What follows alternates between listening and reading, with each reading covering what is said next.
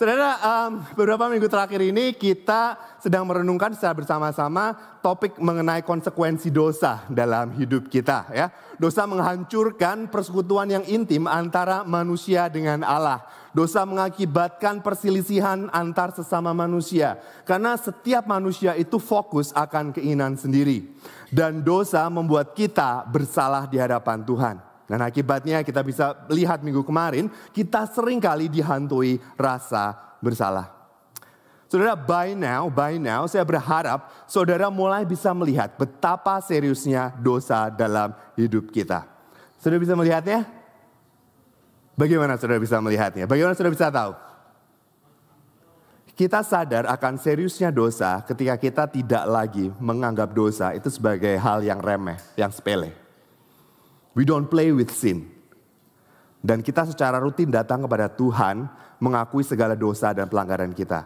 Kalau saudara melakukan dua hal itu, saya yakin saudara bisa melihat konsekuensi dosa, seriusnya dosa. Tetapi kalau tidak, saudara perlu berpikir lagi, benar nggak sih aku melihat seriusnya dosa ini. Dan saya juga berharap bahwa kita semua nggak cuma sekadar melihat betapa seriusnya dosa, tetapi juga betapa besar kasih karunia Allah. Bersyukur bahwa Allah lebih dahulu mencari kita sehingga kita bisa diperdamaikan dengannya. Dan ketika kita melihat betapa egoisnya diri kita sendiri, kita bisa terkagum-kagum melihat kerendahan hati Tuhan Yesus Kristus yang tidak menganggap kesetaraan dengan Allah sebagai hak yang dipertahankan, yang rela turun ke dunia, bahkan mengambil rupa sebagai hamba, bahkan mati di kayu salib. Memberikan kita teladan, contoh kasih yang sejati, sehingga kita bisa mengasihi orang lain seperti diri kita sendiri. Dan mulut kita nggak henti-hentinya memuji kebaikan Tuhan Yesus Kristus. Karena apa? Karena darahnya tertumpah. Sehingga kita yang bersalah boleh mendapat kelegaan pengampunan dosa. Saudara, I really hope that this series not only fill our head, but also warms our heart and transform our life. Amen. Saudara, hari ini kita melihat satu lagi um, efek serius dari dosa sin produce shame. Ya, so that we are on the same page. Apa sih shame itu? Saya berikan definisinya bagi saudara. Shame is the state and painful emotions of being regarded unworthy of acceptance in social relationship. Ya, malu itu merupakan kondisi ya sesuatu yang objektif atau perasaan sesuatu yang kita uh, rasakan ya, yang kita alami ketika kita dipandang tidak berharga di satu komunitas yang berarti bagi kita. Ya, keadaan atau perasaan yang kita alami ketika reputasi kita, ketika harga diri kita, ketika kehormatan kita dipandang rendah oleh suatu komunitas yang berarti bagi kita. Ya, shame is social diminishment of our worth, significance, and honor. Ya, dan shame itu kebalikan uh, dan shame itu kebalikannya honor.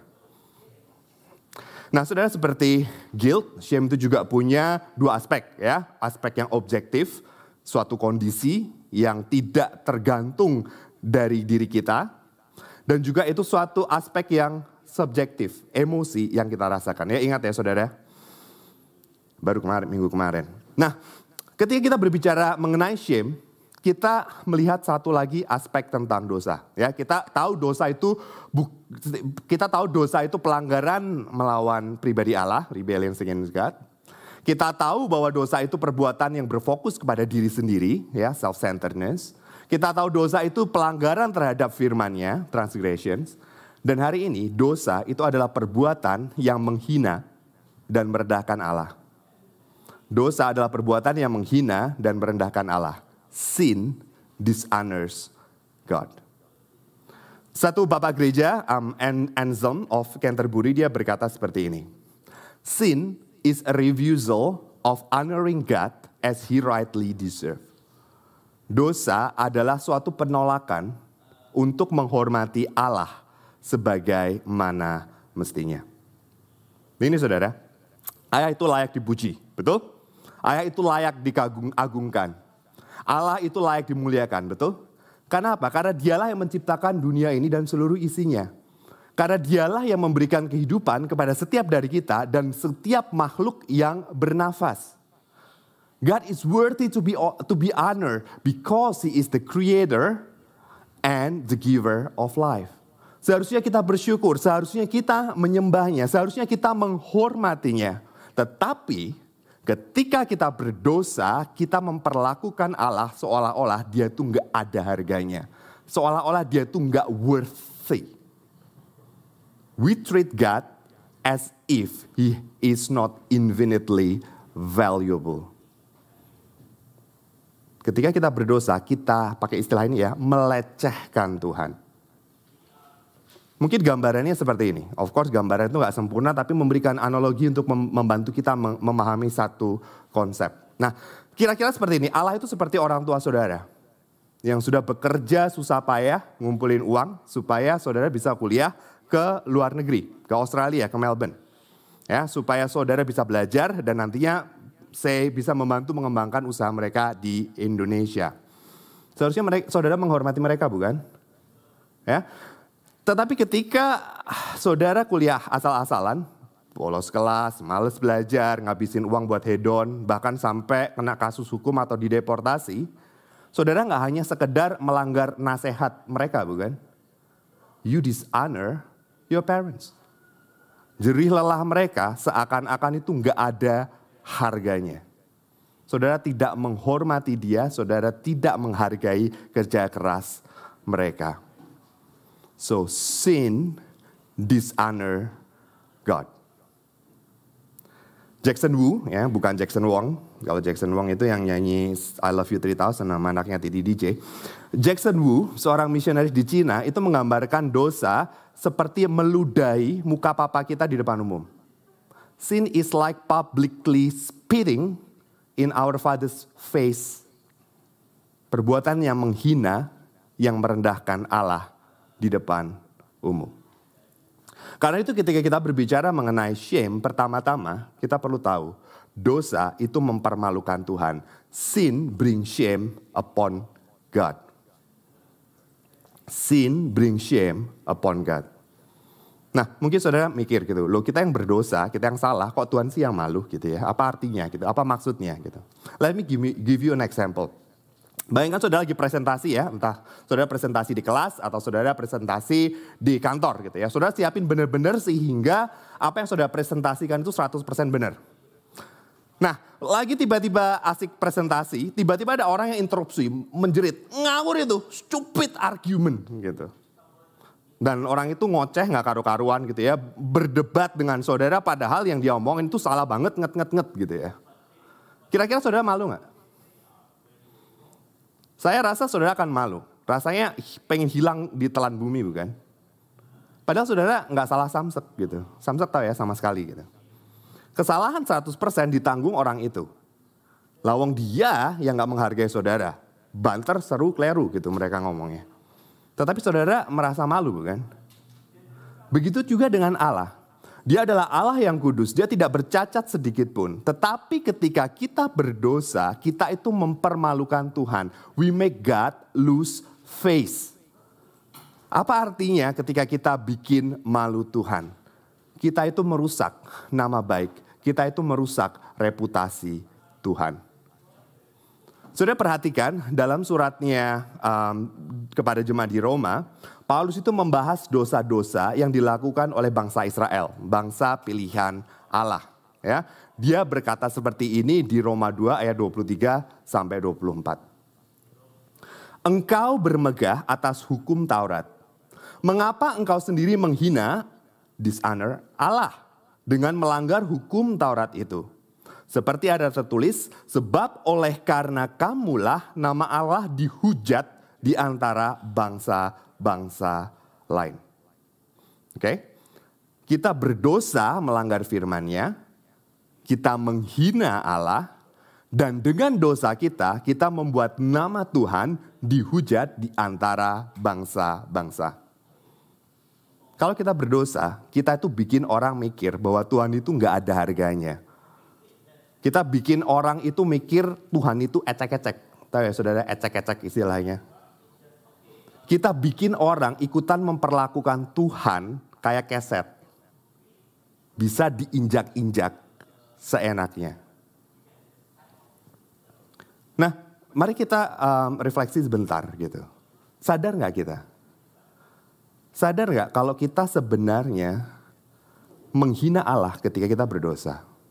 Kita sedang mencemarkan nama Allah. Kita sedang ngajarin orang-orang lain melakukan hal yang serupa. Sadar nggak ketika kita hidup ngejar money, sex, pleasure, power, kita itu lagi ngelempar lumpur ke muka Allah. Sadar nggak kalau kita kerja asal-asalan di kantor, marah-marah di kantor, sikutin orang kiri kanan for the sake of promotion, kita itu bikin orang ilfeel terhadap Allah. Dosa mempermalukan Allah. Dosa merusak reputasi nama baik Allah di hadapan orang-orang yang belum mengenal Tuhan.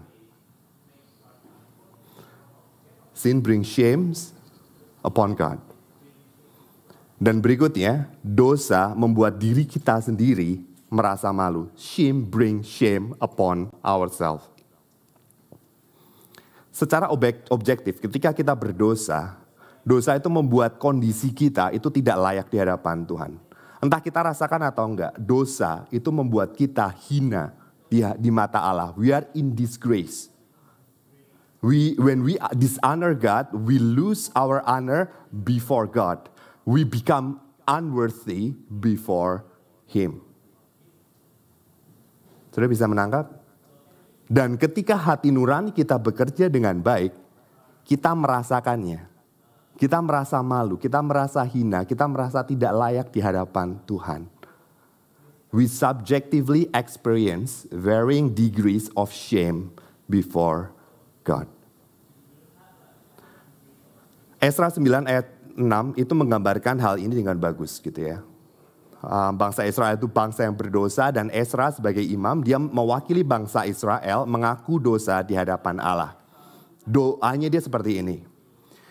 Ya Allahku, aku malu dan mendapat celah sehingga tidak berani menengadahkan mukaku kepadamu ya Allah. Karena dosa kami telah menumpuk mengatasi kepala kami dan kesalahan kami telah membumbung ke langit. Ezra sungguh menyadari keberdosaan bangsanya.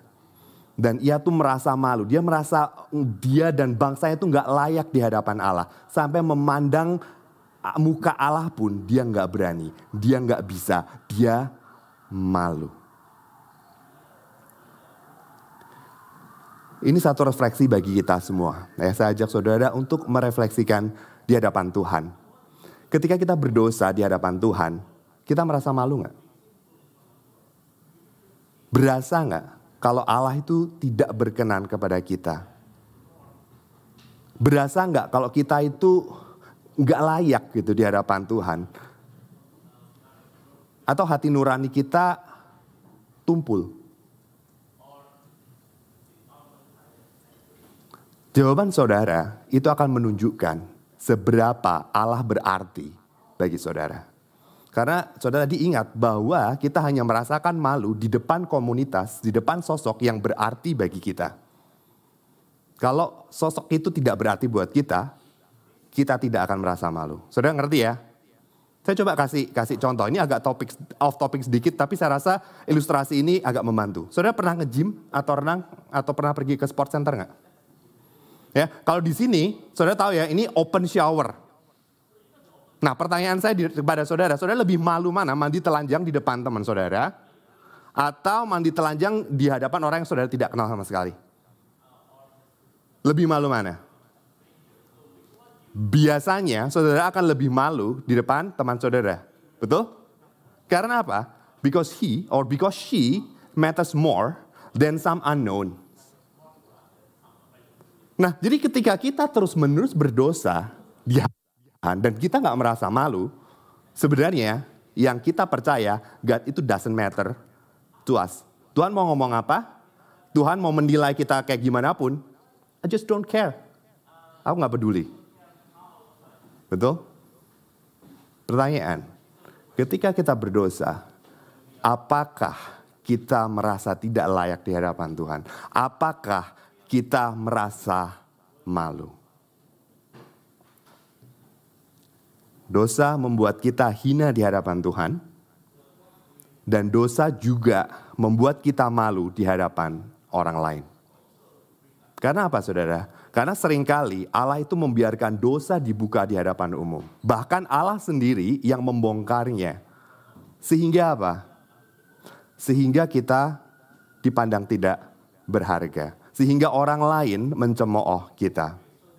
Allah yang menukar kehormatan kita menjadi kehinaan dan membuat kita kehilangan martabat. Nah, sudah tahu kan martabat ya, bukan martabak, itu beda. Membuat kita kehilangan martabat kita di depan orang banyak. Ada saat ada dua bagian firman Tuhan yang kita bisa renungkan. Hosea 4 ayat 7 ya. BIMK-nya menerjemahkan seperti ini. Semakin kamu bertambah banyak, semakin berdosa juga kamu kepadaku, hai imam-imam. Sebab itu keadaanmu akan kuubah. Kamu tidak lagi dihormati, melainkan dihina. Habakuk 2 ayat 16. Sekarang tibalah giliranmu untuk dipermalukan dan bukan untuk dihormati. Kehormatanmu akan berubah menjadi kehinaan. Tuhan akan memaksa engkau minum dari cawan yang berisi hukuman bagimu. Engkau akan minumnya dan terhuyung-huyung. Seringkali Allah menyingkapkan dosa kita, menggantikan kehormatan kita jadi disgrace sebagai hukuman dosa kita. Dan kita merasakan malu di hadapan orang-orang. Pernah nggak saudara, aib dosa saudara tersebar atau mungkin disebarkan? Dan orang melihat saudara dengan tatapan yang berbeda. You lose your standing, you lose your worth, you lose your honor saudara tidak diterima di komunitas saudara, dan saudara itu merasakannya. Sakitnya di sini. Atau semuanya itu belum terjadi. Ya, kita masih bisa menyimpannya rapat-rapat. Kita simpan dosa itu rapat-rapat. Aib belum tersebar. Tapi sering kali kita udah merasa dak bukan? Gimana kalau Musa tahu kalau di rumah itu saya sebenarnya abusive Gimana kalau orang tua saya tahu kalau aku bokepan gitu. Gimana kalau seluruh gereja tahu kalau aku shopping pakai uang gereja. Gimana kalau netizen 62 tahu kalau saya tuh suka bully transgender. Mereka pasti menolak aku, membuang aku, mengucilkan aku. Sudah pernah merasakan demikian? Saya yakin saudara pernah. Why? Shin bring shame upon ourselves. Mungkin saudara berpikir gitu ya, dosa saya tersebar tapi saya nggak merasa malu tuh. Bisa jadi. Karena apa? Karena mungkin saudara hidup dalam komunitas yang punya nilai yang berbeda dengan kebenaran firman Tuhan. Saudara bisa ngerti? Contohnya gini, anggap aja saya tuh playboy cap bangau. Jadi saudara harus menganggapnya karena saya nggak punya potongan seperti itu ya. Anggap saja saudara, ah, anggap saja saya tuh playboy cap bangau gitu. Kalau di gereja, di hadapan teman-teman gereja, bah saya bakal tutupin itu rapat-rapat ya kelakuan saya. Malu kan kalau aibnya tersebar, saya pasti akan dipandang rendah. Tetapi kalau saya berada di komunitas playboy cabang club, nggak perlu ditutupi bukan? Bahkan saya bakal ceritain tuh menaklukkan si ABCDE. Kenapa? Karena di sana saya nggak dipandang hina. Justru saya dibilang pejantan tangguh kan? Karena apa? Karena komunitas itu mempunyai value, mempunyai nilai yang berbeda dengan kebenaran firman Tuhan. Ingat, kita akan merasa malu di hadapan komunitas yang berada dengan kita, yang punya value. Jadi saudara bisa tahu, sin bring shame upon God, upon ourselves, dan satunya lagi upon our community. Dosa itu membuat malu seluruh komunitas kita. Karena malu itu menular seperti coronavirus. Kalau satu kena, semua orang yang dekat pun bakal kena. Mereka pun ikut menanggung malu atas dosa kita. Ya, saya rasa saya nggak perlu jelasin ini panjang lebar karena kita semua hidup dalam satu prinsip ini. Jangan bikin malu keluarga. Betul? Ini yang membedakan antara rasa bersalah dengan rasa malu. Kalau rasa bersalah itu individual, hanya dirasakan orang yang melakukan kesalahan. Tetapi rasa malu itu di, di, dirasakan orang yang bersalah dan seluruh komunitasnya, seluruh asosiasinya itu ikut menerima cemooh, ikut menanggung malu. Let me give you an example. Berapa minggu ini, kalau saudara ikutin berita, ada satu pendeta senior dari gereja yang lumayan besar melakukan perbuatan yang tidak terpuji. Dan berita itu lumayan tersebar dengan cepat dan um, mainstream media pun ikut mengulasnya dia yang bersalah. Tapi yang menanggung malu siapa? Dia. Keluarganya. Bahkan gerejanya dipandang rendah oleh banyak orang. Bahkan gereja Tuhan secara keseluruhan namanya ikut tercoreng bukan? Kita jadi banyak orang bilang, gereja seperti itu. Buat apa jadi orang Kristen? Shame also brings social decline of those around us. Orang-orang yang berasosiasi dengan kita. Karena itu saya rasa shame itu dampaknya jauh lebih serius daripada guilt. Karena kita dilihat dampaknya lebih luas, ya kan? Dan bagi diri sendiri, dampaknya itu lebih personal. Ya. Saudara, coba bayangkan gini, kalau guilt itu menyerang tindakan kita, ya kan? Aku melakukan tindakan yang salah.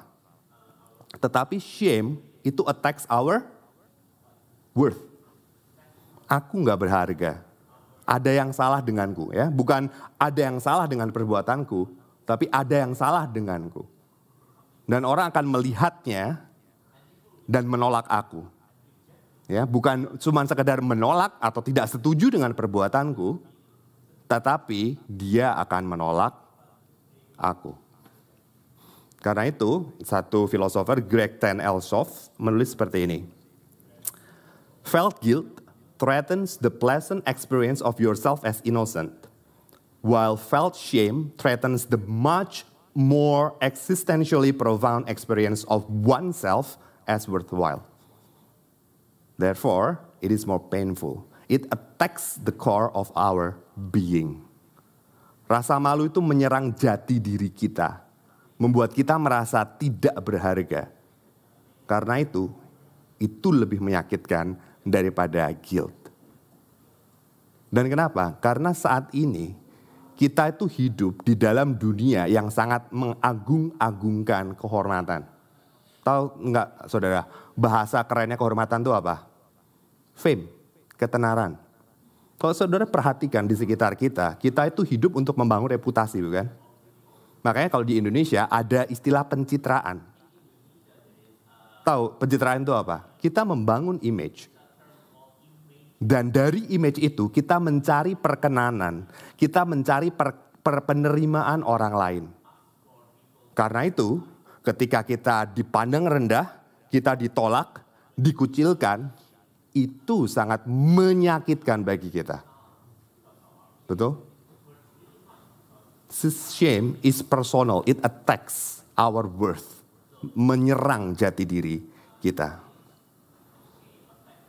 Dan bukan hanya itu saudara, shame itu dengan mudah akan berubah menjadi rendah diri. Shame easily turns into low self-esteem.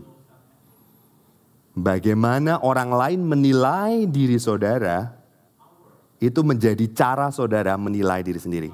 Ya saudara bisa bedain antara shame sama low esteem. Kalau shame itu orang lain melihat diri saudara, kalau low self esteem saudara melihat diri saudara sendiri. Dan sering kali yang terjadi, shame, bagaimana orang melihat diri saudara, akan menjadi perkataan yang sama bagaimana saudara menilai diri saudara sendiri. Ngerti ya? Karena itu saya rasa shame itu sangat serius. Dan saudara tahu gitu ya, ketika um, apa ya, ketika shame itu turn into self esteem, low self esteem, rendah diri dan saudara-saudara sepupunya, self-hatred dan self-loathing, itu sangat berbahagia bagi kesehatan mental kita. I think we all know, terutama younger people, you are more aware of the mental health issues than us. Shame easily turns into low self-esteem. Karena itu saya rasa um, rasa malu itu merupakan satu masalah yang serius. Ya, tadi sudah bisa lihat dampaknya kepada Tuhan, kepada diri kita, kepada komunitas kita, ya, dan juga dampaknya itu personal dan sering kali membuat kita menjadi rendah diri. Nah, pertanyaan seperti ini. Ketika rasa malu itu datang gitu ya, bagaimana kita deal with it? How do we usually deal with our shame? Gimana saudara? Saya rasa kita semua pakar di dalamnya. Mungkin cuman kita nggak bisa mengkomunikasikan ya. Yang pertama, biasanya kita tutupi. Dan tentunya seperti yang tadi Gio ngomong, lebih mudah menutupi dari orang lain daripada Tuhan. Karena it's impossible. Tuhan melihat. Because he's the judge of the secrets kita bisa positively berbuat baik ya kita pencitraan, kita tingkatkan social credit kita entah entah itu dengan pelayanan, never say no to other people atau kita melakukan apa pun yang dianggap penting oleh komunitas kita. Ya kan? Kita berusaha tutup-tutupi. Dan ketika itu gagal, kita ngapain Saudara? Kita bersembunyi, hiding. Kita menghindar dari Tuhan ya. Kita nggak lagi mau saat teduh kita nggak lagi mau doa kita nggak lagi mau mendengarkan firman Tuhan ya. Menghindar dari Tuhan. Dan bukan hanya itu kita menarik diri dari komunitas ya. Kita nggak lagi datang ke gereja kita nggak datang lagi ke cell group kita nggak lagi hangout kita menghilang ya. Kita bersembunyi untuk menutupi rasa malu kita nah pertanyaannya begini is, is that good Is that a good thing? Looks good bukan? Tetapi saya kira riset yang dilakukan oleh banyak um, psikolog itu benar. Bahwa bersembunyi tidak menyelesaikan masalah. Justru menambah masalah. Elsof um, ngomong hal seperti ini. Hiding is not the path to health. Hiding will most likely make it more difficult to retain a healthy sense of yourself to retain self-respect and healthy self-esteem. Riset itu membuktikan bahwa bersembunyi itu justru mempersulit, membuat kita itu susah punya pandangan diri yang sehat. Bersembunyi malah membuat kita itu rendah diri. Saudara ingat ya, shame itu mudah berubah menjadi low self esteem, ya. Dan bersembunyi itu mempercepat prosesnya. Jadi kita nggak bisa uh, menutup-nutupi, kita nggak bisa bersembunyi. Lalu apa lagi yang biasa kita lakukan? Mungkin ini tidak kita lakukan secara pribadi, tapi kita lakukan secara kolektif. Kita berusaha ubah pandangan Allah, dan kita berusaha ubah pandangan sosial masyarakat mengenai dosa. Ya, kita mensosialisasikan dosa. Kita ubah interpretasi Alkitab mengenai keuangan, mengenai pernikahan, mengenai gender, mengenai seks, dan hal-hal yang lain. Kita anggap itu bukan sesuatu yang dosa. Tujuannya apa? Supaya kita bisa berdosa, kita melakukan dosa, tapi kita nggak kehilangan muka di hadapan Allah dan di hadapan masyarakat. So that we can keep on sinning yet retain our social standing so that we won't lose our worthiness before other people. Ya, saudara bisa melihat nggak hal ini terjadi di sekitar kita, di masyarakat kita. Ya, saya punya beberapa contoh nyata, tapi saya nggak punya waktu untuk menceritakannya. Kalau sudah tertarik, um, let's chat after after after sermon, after service. Pertanyaannya gini, bisa nggak kita mengubah pandangan masyarakat, bahkan pandangan orang Kristen terhadap dosa? Bisa nggak kita mensosialisasikan dosa? Bisa nggak saudara? Nggak mudah. Seringkali bikin frustrasi. ya Butuh waktu, butuh kesabaran. Tetapi sangat mungkin. Karena apa? Karena hati manusia itu cenderung terhadap dosa. Sekarang banyak dosa bukan yang kita sudah nggak lagi lihat itu sebagai hal yang negatif. Ya, saudara bisa name them? Yep. Bahkan Jerry Bridges itu pernah nulis satu buku yang judulnya Respectable Sins. Respectable Sins. Dosa yang bisa kita lakukan tanpa kita kehilangan respect dari orang lain. Tanpa bikin malu. Tapi pertanyaannya, bisa nggak kita mengubah pandangan Allah? Impossible. Tidak mungkin, karena Allah kita tidak berubah. Apa pun usaha kita, dosa tetap dosa. Dosa tetap kekejian di mata Allah. Dosa tetap membuat kita tidak layak di hadapannya. So don't do this. It's not helpful. Lalu ada satu cara lagi yang biasa kita lakukan. Ini juga tren zaman now. Saudara mau tebak nggak? By becoming shameless. Peduli amat orang ngomong apa. Hidup-hidup gua kok. Ya kan? Kita tebalin muka sampai kita nggak berasa lagi. Orang mau cemooh kita, mau nolak kita, mau nertawain kita, nggak peduli. We lose our social capital without any felt sense of that loss. Bisa nggak saudara jadi seamless? Susah. Karena kita itu makhluk sosial, kita hidup dalam komunitas. Kita nggak bisa menghindar dari komunitas, betul?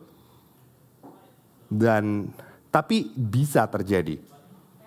Bisa. Saudara pernah nggak nonton TV di Indo, lihat pejabat ketangkap korupsi? Terus tersenyum lebar kepada kamera pakai baju yang oren-oren itu kan? Ya kan? Terus melambaikan tangannya ala-ala ratu Inggris pada pada wartawan dan berkata, ini adalah cobaan dari Allah. Shameless, right? Nggak punya malu. Out of touch with reality. Pertanyaannya, saudara mau seperti mereka nggak? Jangan ya saudara ya, jangan bikin malu keluarga. Ini yang bisa kita lakukan. Kita menutupi, kita bersembunyi, kita sosialisasikan dosa, dan kita menebalkan muka. Tapi nggak efektif bukan? Seperti minggu lalu, we might feel better. But the issue of objective shame remains untouched bukan? Nama Tuhan tetap tercoreng. Tuhan tetap diperlakukan seperti keset. Kita tetap tidak layak di hadapan Tuhan. Kita tetap dipandang rendah di komunitas yang menjunjung tinggi kebenaran firman Tuhan. Lalu apa jalan keluarnya? Lalu apa jalan keluarnya saudara? Seperti yang lalu-lalu, Allah lah yang mengambil inisiatif. Allah bekerja mengembalikan kehormatan namanya. Allah bekerja mengembalikan kehormatan namanya. Gimana caranya? Ya, saudara dengarkan, karena ini nggak intuitive at all. Allah mengembalikan keagungan namanya dengan menyelamatkan umat yang berdosa. Ya, I told you this is not intuitive. Allah mengembalikan keagungan namanya dengan menyelamatkan umatnya yang berdosa. Ya, um, ayatnya lumayan panjang dan to be honest, saya nggak punya waktu atau lebih tepatnya saudara nggak punya kesabaran untuk mendengarkannya, ya kan? Jadi saudara bisa baca di rumah Yehezkiel 36 ayat 16 sampai 23. Yehezkiel 36 ayat 16 sampai 23. Di sini digambarkan bahwa Allah lah yang membersihkan diri kita dari kejahatan. Allah lah yang mengganti hati kita yang keras menjadi hati yang taat. Dan Allah lah yang bekerja memampukan hidup kita ini untuk mempermuliakan namanya. Luar biasa bukan? Dan dengan demikian Allah mengangkat umatnya dari kondisi dan rasa malu menuju kemuliaan. From shame to honor. Ya, Jadi Allah yang bekerja Allah membersihkan diri kita dari kejahatan. Allah yang mengganti hati kita yang keras menjadi hati yang taat. Allah yang memampukan kita hidup dalam kemuliaannya.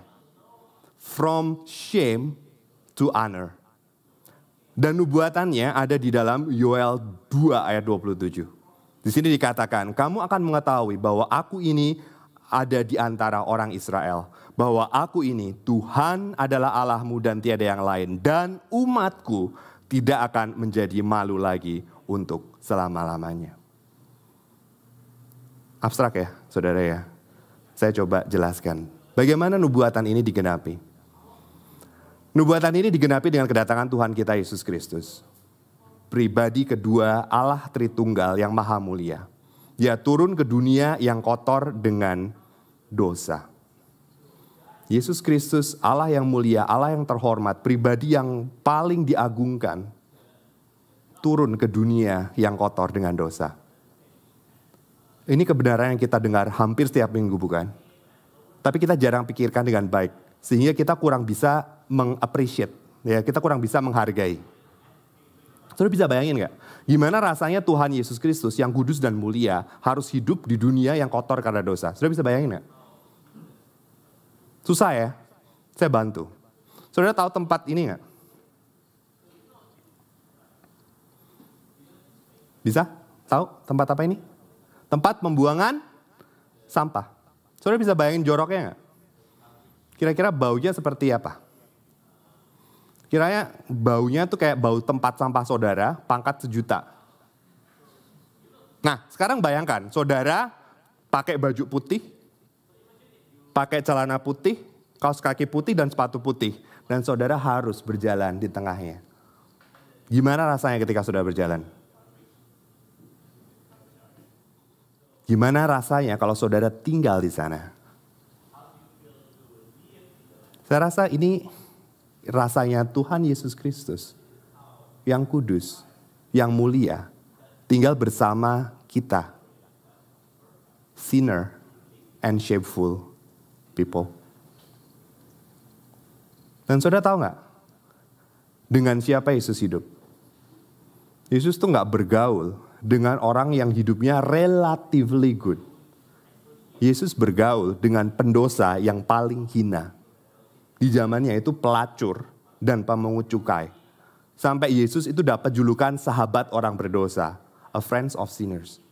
Bagi kita sekarang, wah Yesus friends of sinners. Tapi bagi dulu itu uh, apa ya? Itu bukannya julukan yang baik, itu apa ya? Penghinaan. Friends of sinners.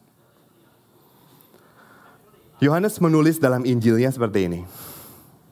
Ada satu ketika Yesus menjumpai seorang perempuan Samaria yang sudah kawin cerai berkali-kali. Dan sekarang kumpul kebo dengan laki-laki yang bukan suaminya. Very shameful women. Yang saking malunya dia nggak berani keluar ambil air pagi-pagi. Ya, kalau saudara ambil air pasti pagi-pagi kan, sebelum panas kan.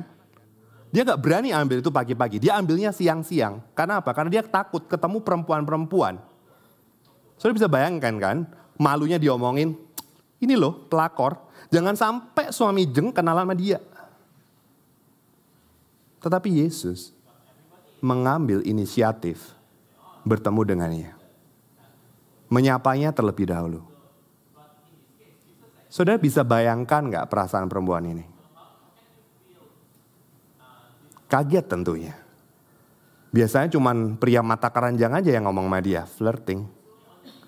Tetapi ini laki-laki Yahudi terhormat mengajak dia ngomong dengan sopan, bahkan minta air kepada perempuan kayak aku. Yesus nggak menghinanya. Dengan penuh compassion, Yesus menawarkan air hidup yang memberikan kelegaan baginya. Tetapi sama seperti kita bukan?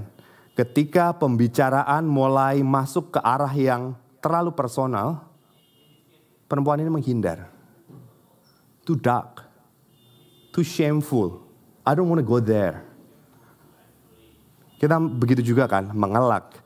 Kita mengubah topik pembicaraan dari yang personal menjadi debat teologi. Karena apa? Takut. Takut aib kita semakin terbongkar. Tapi Yesus terus mengejarnya. Dengan penuh respek, dengan penuh kasih. Meskipun Yesus tahu segala dosanya, dia tidak menghina, dia tidak merendahkan, dia tidak menolak perempuan itu. Ini saudara, saudara pernah mikir nggak, kok Yesus itu gaul sih sama mereka? Kenapa nggak Yesus ngetem aja di bait Allah, terus langsung cus ke kayu salib? Why does Jesus constantly associate himself with shameful people? Pernah nggak sudah mikir? Why? Kenapa Yesus harus bergaul dengan orang-orang yang memalukan seperti ini? Yang pertama, Yesus ingin menunjukkan kasihnya kepada orang-orang yang hina. Saudara bisa bayangin nggak? Kira-kira perasaan perempuan Samaria ini setelah bertemu Yesus kayak apa? Happy bukan? Diterima, dikasihi, dihargai. Dan ini berlaku juga dengan kita bukan? Seberapa buruknya masa lalu kita, seberapa dalamnya kita sedang terjerumus dalam dosa. Yesus tidak memandang hina saudara. Yesus tidak menolak saudara. Yesus mau bergaul dengan saudara. Why? Because he is a friend of shameful sinners like you and me. Dan yang ini yang menyembuhkan rasa malu kita bukan? Coba saudara bayangkan, saudara melakukan sesuatu yang memalukan, apa pun itu yang ada di pikiran saudara. Dan teman saudara tahu. Tetapi dia gak menolak saudara. Dia gak melihat saudara kayak sampah. Gimana rasanya? Diterima bukan? Dikasihi bukan? Dihargai bukan? Itu cuman sekedar teman loh saudara. Gimana kalau Allah yang menerima saudara? Luar biasa bukan? Kita merasa diterima, dikasihi, dihargai, pangkat sejuta. Karena itu kasih dan penerimaan Yesus itu mengangkat kita dari rasa malu. Our subjective emotions of shame. Dan bukan hanya itu saudara. Yesus itu mengidentifikasi dengan kita. Supaya kita bisa identifikasi dengan dia. Ya, Agak susah bahasa Indonesia. Jesus identify with us so that we can identify with him. Maksudnya begini. Saudara sama seperti malu, kehormatan itu menular juga. Ya, seperti malu itu menular, kehormatan itu juga menular. Itu sebabnya Citizen 62 itu suka deket-deket sama orang yang terhormat dan famous bukan? Ya, kayak zaman-zaman Obama dulu gitu kan. Kita ribut ngomongin Indo, eh, Obama pernah tinggal di Indo. Kenapa? Why we identify ourselves with Obama? Padahal itu kejadiannya udah bertahun-tahun yang lalu kan. Kenapa? Supaya kehormatannya menular. Supaya kita pun ikut diangkat. Supaya harga diri kita pun diangkat. Dan ini yang Yesus lakukan sudah bayangkan, saya ketangkep korupsi uang gereja. Saya berusaha, saya, sudah berusaha menjelaskan segala macam. Saudara akan melihat saya berbeda nggak? Of course masih tetap berbeda. Saudara nggak mudah percaya sama saya kan? Saya masih tetap malu, saya masih tetap saudara pandang hina, bukan? Ya kan? Hmm. Coba saudara bayangkan, kalau Musa yang terhormat, ya, Musa yang saudara hormati ngomong di depan umum. Stefanus sudah bertobat, minta maaf dan sudah mengembalikan uang yang sempat diambil. Let's welcome him. Beda kan? I am lifted out of shame. Saya rasa tidak banyak jemaat yang merendahkan saya lagi. Karena apa? Karena Musa yang terhormat, dia mengidentifikasi dirinya dengan saya. Supaya saya bisa ikut berbagi dalam kehormatannya, dalam koran quote kemuliaannya. Jesus is a friend of shameful sinners like you and me. He identify himself with us so that we can identify ourselves with him, so that we can share in his glory. Makanya itu kita semua diangkat bukan menjadi anak-anak Allah. Kita masuk dalam kerajaan Allah. Kita berbagi kehormatan dan kemuliaan bersama Allah. Dan bukan hanya berhenti di sini saja saudara. Ibrani 11 ayat 2 berkata seperti ini. Dengan sukacita Yesus memikul salib, mengabaikan rasa malu. He endured the cross, despising the shame. Saudara tahu, di akhir hidupnya Yesus itu dipermalukan to the max dicaci maki, dicemooh, diludahi. Tahu nggak saudara, ketika Yesus itu disalib, Yesus itu disalibkan dalam keadaan telanjang total. Kalau saudara perhatikan lukisan seperti ini, ada nggak li lukisannya? Saudara akan lihat ada kain putih yang menutupi sebagian tubuh Yesus, betul? Tapi sebenarnya kain itu nggak ada itu ditambahkan supaya nggak vulgar. Ketika Yesus disalibkan, dia disalibkan dalam keadaan yang paling hina, paling memalukan dalam keadaan telanjang. Untuk apa saudara? Untuk membawa kita semua umatnya dalam kemuliaan. As wounds which mother chosen one. Apa saudara? Bring many sons to glory. Kehinaan ganti kehormatan. Saya quote um, Elshoff lagi. The shame Christ endured in his sacrificial, condescending identification with fallen humanity is outweighed by the glory God received as humanity assumed its intended role as the steward of God's creation. Intinya seperti ini. Penghinaan yang Yesus alami itu nggak sebanding dengan kemuliaan yang diterima Allah.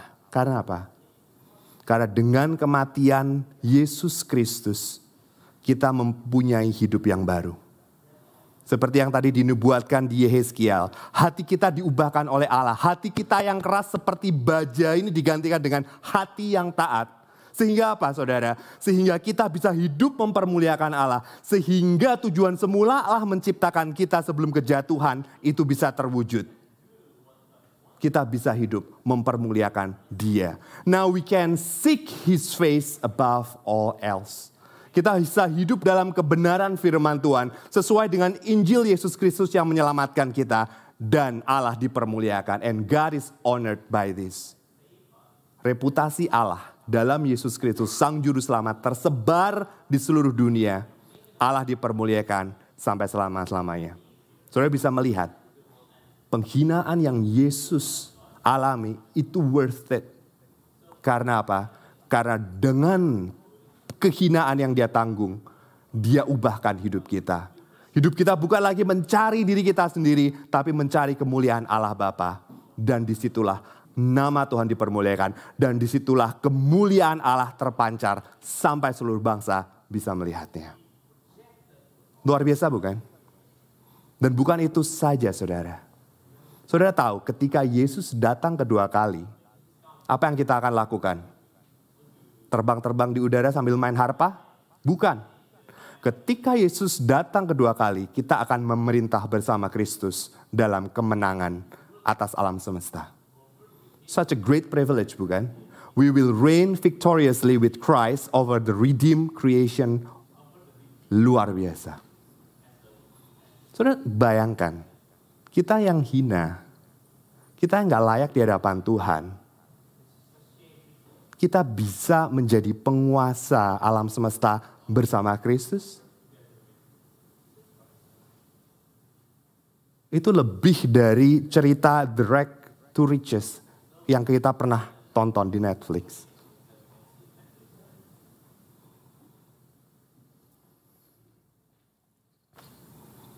Tetapi ada satu kabar buruk. Bagi kita yang tidak punya malu, yang shameless, yang terus-menerus merendahkan Allah, yang terus-menerus menolak untuk memermuliakan Allah, God will exile them into eternal shame. Allah akan membuang mereka ke dalam kehinaan yang kekal. Daniel 12 ayat 2. Dan banyak dari antara orang-orang yang telah tidur dalam debu tanah akan bangun. Sebagian untuk mendapat hidup yang kekal, sebagian untuk mengalami kehinaan dan kengerian, ya, kekejijikan yang kekal. Ketika kita terus-menerus mengeraskan hati nurani kita, ketika kita terus-menerus merendahkan Allah, kita kita terus-menerus menolak untuk mempermuliakan Allah. Ada satu tempat, ada satu state, ada satu kondisi buat kita untuk selama-lamanya. Kehinaan yang kekal. Everlasting shame.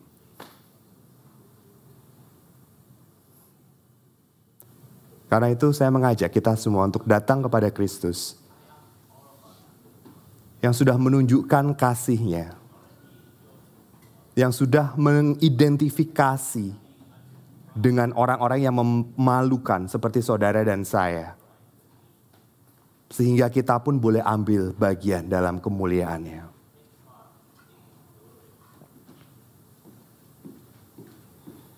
Saudara, bagaimana kita datang pada Tuhan hari ini? Apakah kita dengan dosa kita, kita datang seperti ahli farisi?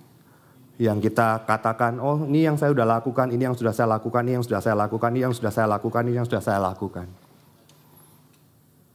Atau kita seperti pemungut cukai yang tahu keberdosaan kita. Kita tidak layak. Kita tebah dada. Tuhan, I'm not worthy. I'm not worthy, I'm not worthy.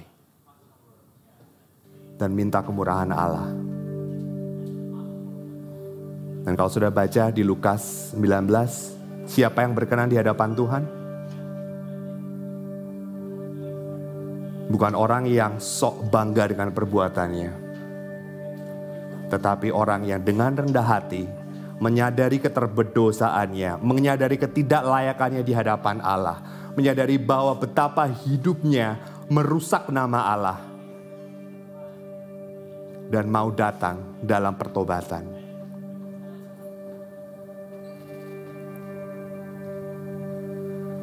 Saya ajak saudara bersama-sama merefleksi bagaimana hati kita di hadapan Tuhan.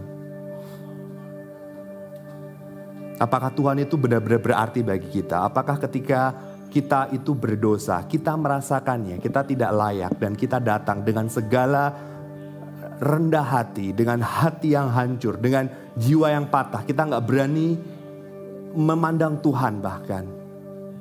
Dan kita hanya bisa berdiri di atas anugerah Kristus. Dan berkata, kalau aku boleh, itu karena engkau yang layakkan aku. Kalau aku boleh berdiri di hadapan Tuhan, itu karena anugerah Allah sudah tercurah kepadaku. Karena Kristus sudah identifikasi dirinya dengan aku. Sehingga aku boleh dibawa menuju kemuliaan. Saya ambil, ajak saudara ambil waktu untuk memikirkan bagaimana hati kita di hadapan Tuhan selama minggu ini, seminggu ini.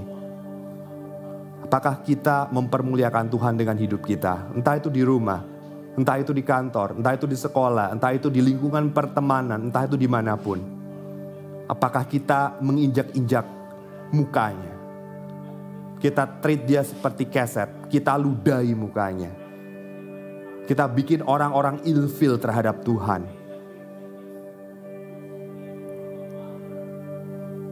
Dan kita rasakan tidak layak di hadapan Tuhan dan kita minta ampun kepada Tuhan. Minta Tuhan angkat dosa dan rasa malu kita. Saya beri saudara waktu 2-3 menit.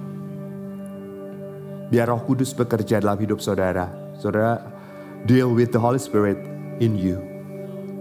Karena hanya roh kudus yang sanggup menunjukkan semuanya itu kepada saudara.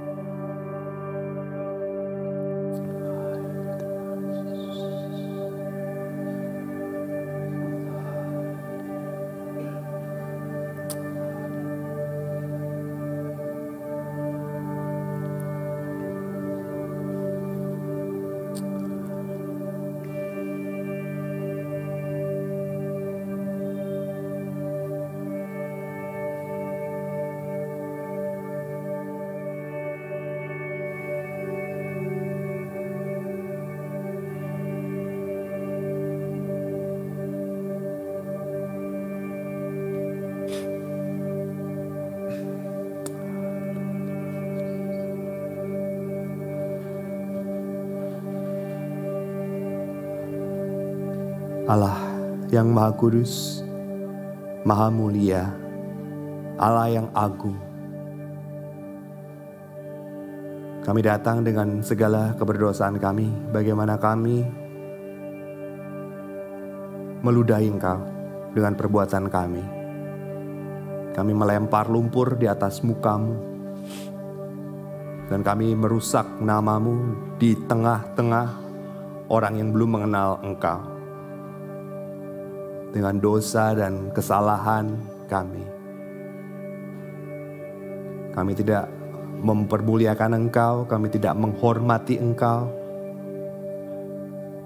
Dan kami berdosa di hadapan-Mu. Ampuni kami Tuhan. Dan kami tahu ada pengampunan bagi setiap dari kami yang datang kepadamu. Dan bukan hanya sekedar diampuni, kami pun boleh diangkat Tuhan dari rasa malu kami, dari ketidaklayaan kami, dari ke, kehinaan kami, dan berbagi kehormatan dan kemuliaan bersama dengan Engkau, karena Engkau sudah mengidentifikasi dirimu dengan kami. Terima kasih Tuhan. Buka mata kami Tuhan, supaya kami boleh melihat keindahan salib Kristus, di mana Dia Allah yang agung dipermalukan sedemikian rupa untuk menanggung dosa kami, untuk menanggung malu kami. Sehingga kami boleh diubahkan, hati kami boleh diganti dengan hati yang taat. Dan hidup kami boleh dimampukan untuk mempermuliakan namamu. Terima kasih Tuhan. Kami mau terus bersyukur kami mau terus berterima kasih. Dan kami mau terus tinggikan namamu. Anak domba Allah yang tersalib bagi kami. Terima kasih Tuhan. Terima kasih Yesus.